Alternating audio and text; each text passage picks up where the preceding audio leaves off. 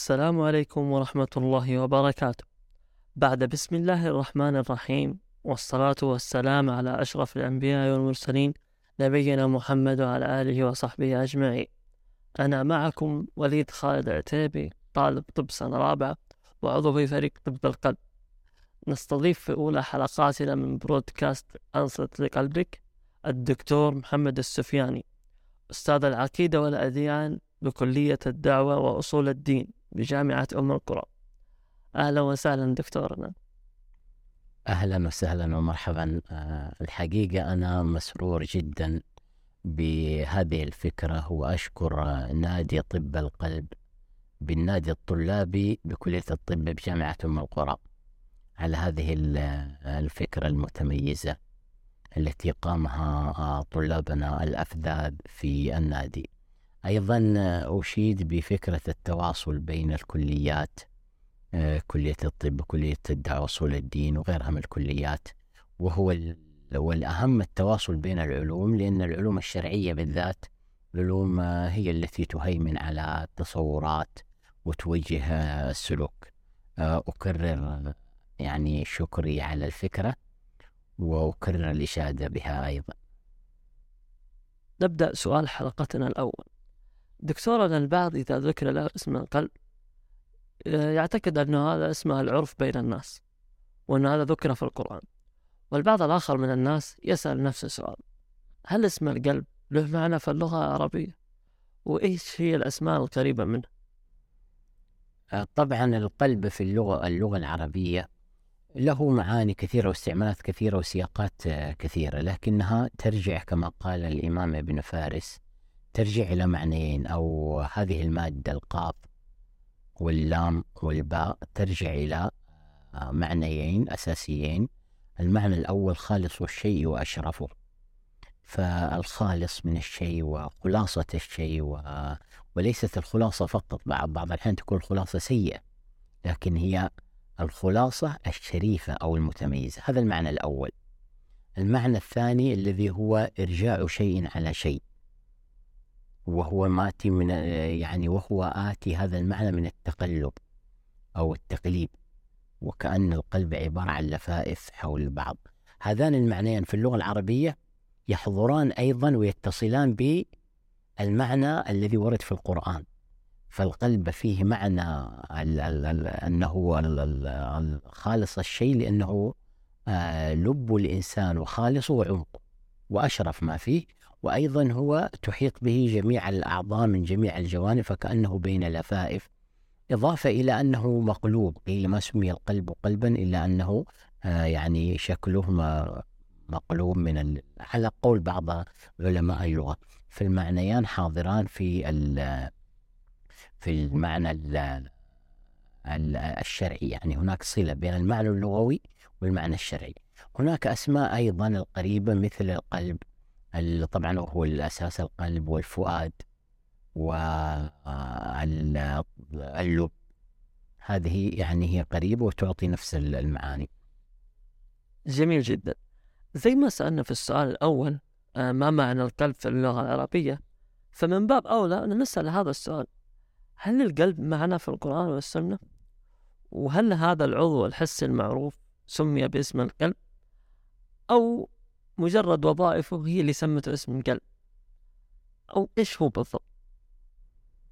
طبعا القلب معناه أو تحديده في القرآن والحديث فيه مقدار متفق عليه بين العلماء بين علماء الشريعة وبين المفسرين وبين المحدثين علماء الشريعة عموما وفي مقدار آه، انفرد بذكره بعضهم فالمقدار المتفق عليه وهذا الأمر المعروف أن القلب هو الغدة الصنوبرية الموجودة في الصدر. آه، هذا المقدار متفق عليه. لكن أشار شيخ الإسلام ابن تيمية إلى أنه قال القلب من استعمالاته في القرآن والسنة قد يراد بهذه الغدة وقد يراد به باطن الإنسان كله باطنه. كما يقال قلب الجوزة وقلب اللوز وقلب أي يعني داخل الشيء الذي في في الأعماق. ولا يلزم أن يكون هنا خاصة بهذه الغدة وهذا طبعا توسيع المفهوم عند شيخ الإسلام ابن تيمية. يقول يأتي بهذا ويأتي وقد يشمل هذا. ويقول هو يوافق أهل العلم الآخرين في أن الغدة المعروفة أو المضغة المعروفة. لكنه يقول قد يشمل أن يكون هو مطلق أو الأمر الباطل. والسبب طبعا أنه ذكر القلب في القرآن حوالي 144 مرة بسياقات وأساليب مختلفة ويأتي على هذين المعنيين معنى متفق عليه بين العلم ومعنى انفرد بذكره آه، بعضهم. فمثلا من المعنى الذي آه، الأول الصريح الحديث المتفق عليه في الصحيحين أن النبي صلى الله عليه وسلم قال ألا وإن في الجسد مضغة. إذا صلحت صلح الجسد كله وإذا فسدت فسد الجسد كله ألا وهي القلب. هذه فحددها النبي صلى الله عليه وسلم أن القلب هو هذه المضغة المعروفة. طبعا هذا من حيث المبدأ أن المعنى هو الغدة الصنوبرية المعروفة. لكن القرآن ما جاء ليتكلم عن الجانب الحسي أو البيولوجي في الموضوع. لأنه يعني معروف ويعرفونه الناس إنما جاء ليتكلم عن وظائفها وعن المهام المنوطة بها وعن علاقة ذلك علاقة هذه المهام بالتكليف وبالتشريع وبالأمر والنهي والأخبار وكذا. فركز القرآن مع أنه ذكر هذا المعاني التي ذكرناها. ركز أيضا على وظائفها وهي أن للقلب وظائف التعقل والتذكر والتفكر والإدراك.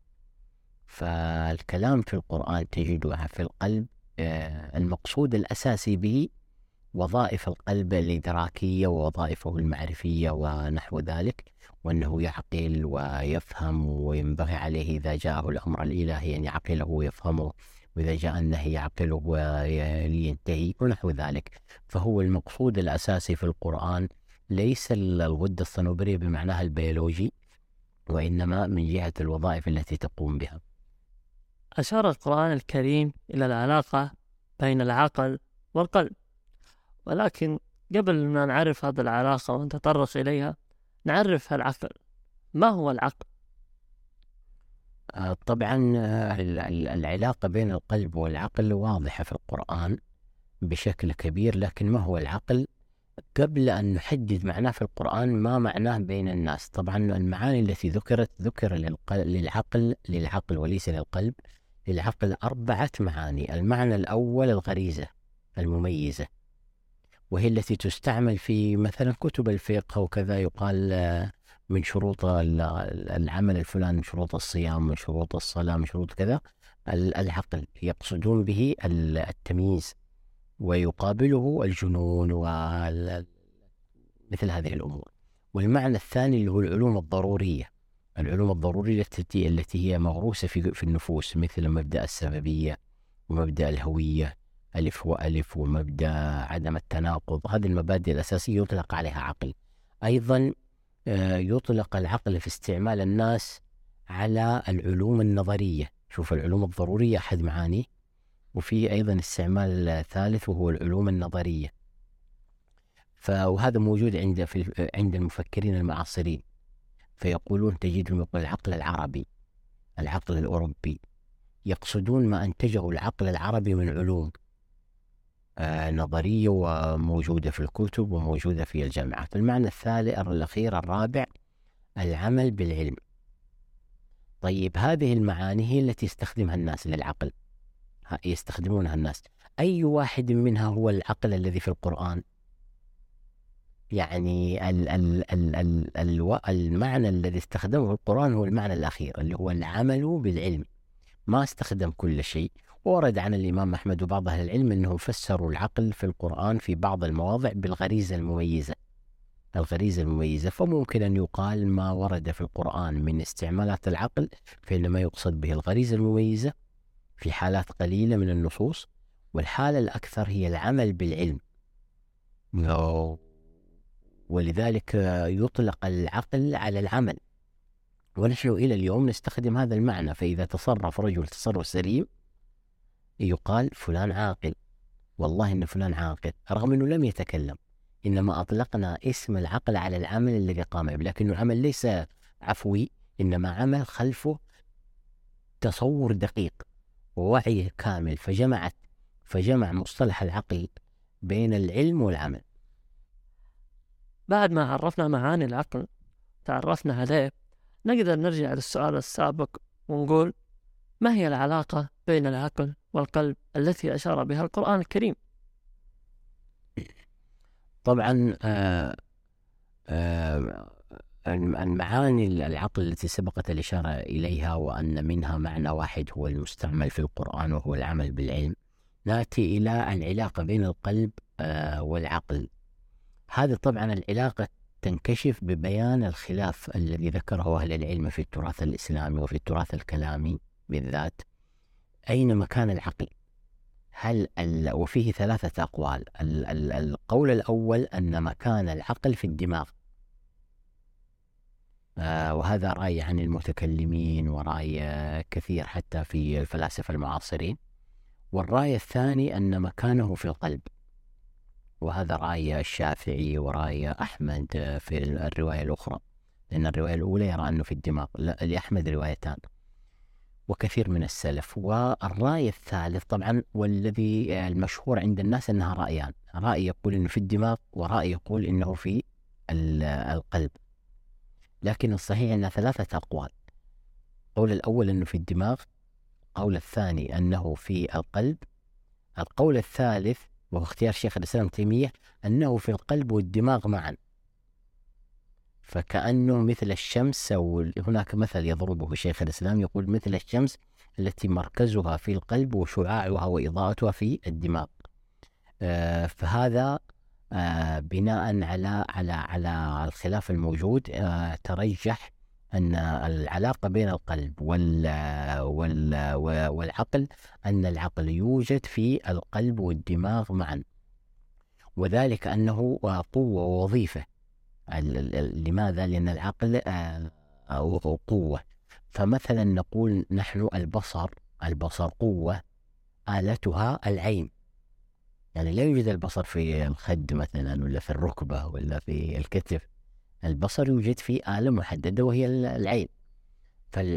فالبصر قوة آلتها العين والسمع قوة آلتها الأذن. وهكذا. كذلك العقل. العقل قوة آلتها القلب والدماغ معا. هذه من حيث المبدأ. ولذلك كثر في القرآن مثل قوله تعالى فتكون لهم قلوب يعقلون بها. لاحظ قلوب يعقلون بها؟ أو أو آذان يسمعون بها. فذكر هنا الأذن ووظيفتها أو قوتها وذكر هنا القلب ووظيفته. وفي الآية الأخرى ولقد ذرأنا لجهنم كثيرا من الجن والإنس لهم قلوب لا يفقهون بها ولهم أعين لا يبصرون بها. فجاء هنا الربط بين القوة والوظيفة وبين العضو الذي يقوم بها.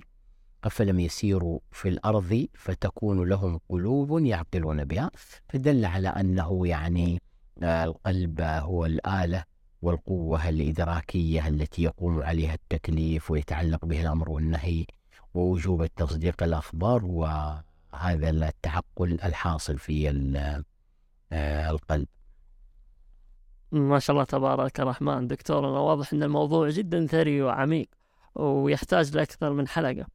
ولكن لذيك الوقت ننهي حلقتنا ونتمنى أنها نالت على إعجابكم ورضائكم وأتمنى أن نكون سلطنا الضوء على أهم محاور. ولكن قبل الختام حابين نسمع منك دكتور بعض التوصيات لمحبي الطب وطب القلب بالذات.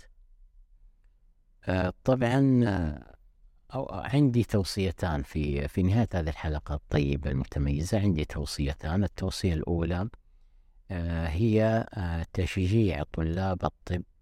وسائر الكليات الأخرى على الاشتغال بعلم الشريعة بالمقدار الذي يضيء مثل هذه المسائل.